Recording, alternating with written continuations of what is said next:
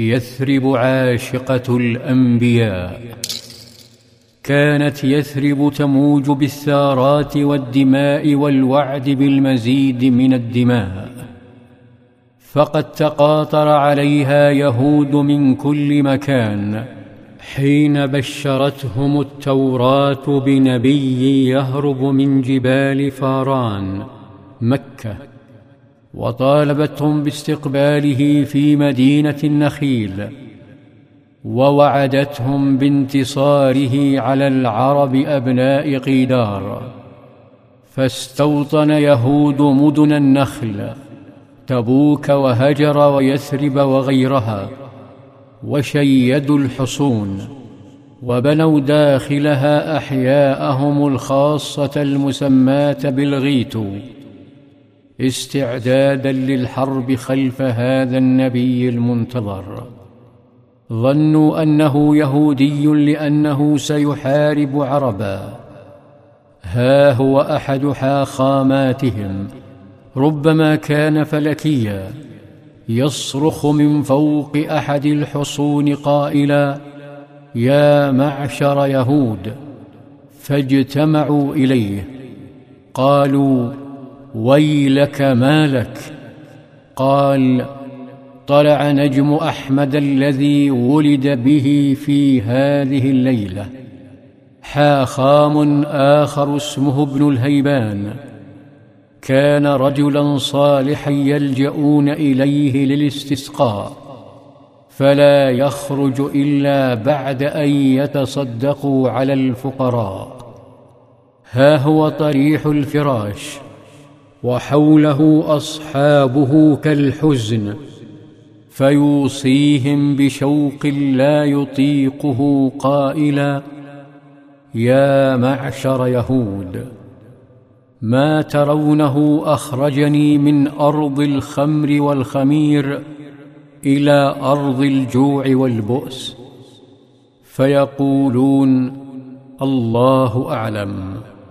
فيجيب إني قدمت إلى يثرب انتظر خروج نبي قد أظل زمانه. هذه البلدة مهاجره. فكنت أرجو أن يبعث فأتبعه. وقد أظلكم زمانه. فلا يسبقنكم إليه يا معاشر يهود أحد.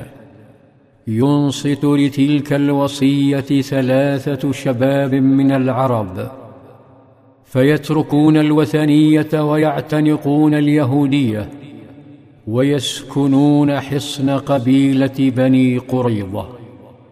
في مكان آخر طفل من أهل يثرب اسمه سلمة بن سلام ينصت لحاخام يذكر الناس بيوم البعث والحساب. والجنة والنار.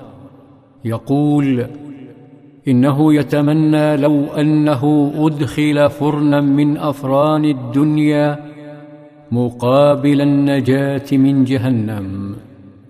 اقشعرت أبدان الوثنيين واتسعت أعينهم فسألوه ويحك يا فلان أو ترى هذا كائنا؟ الناس يبعثون بعد موتهم إلى دار فيها جنة ونار يجزون فيها بأعمالهم ثم طلبوا منه دليلا على ما يقول. فأخبرهم أن الدليل هو نبي يبعث من هنا ثم مد يده جنوبا نحو مكة.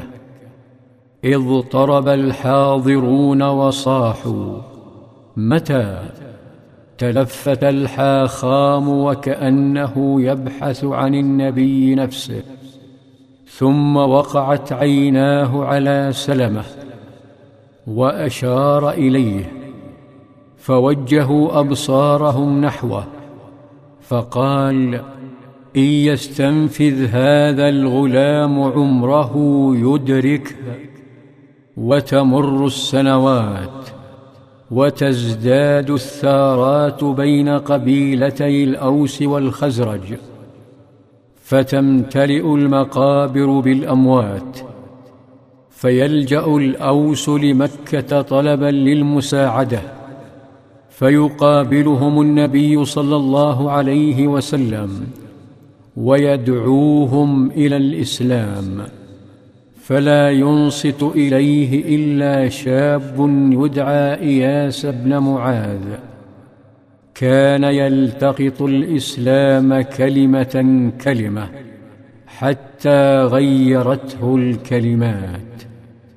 فأمسى غريبا بين نخيل المدينة. يقتله الشوق إلى نبيه. ولا يستطيع البوح. وتثور معركة بعاث فيلتحق بها ثم يسقط ينزف على ضفاف الموت فينصت أحد أصدقائه إليه وهو يبوح أخيرا بالتهليل والتحميد والتسبيح والتكبير والدموع حتى صعدت روحه. في ظلال السيرة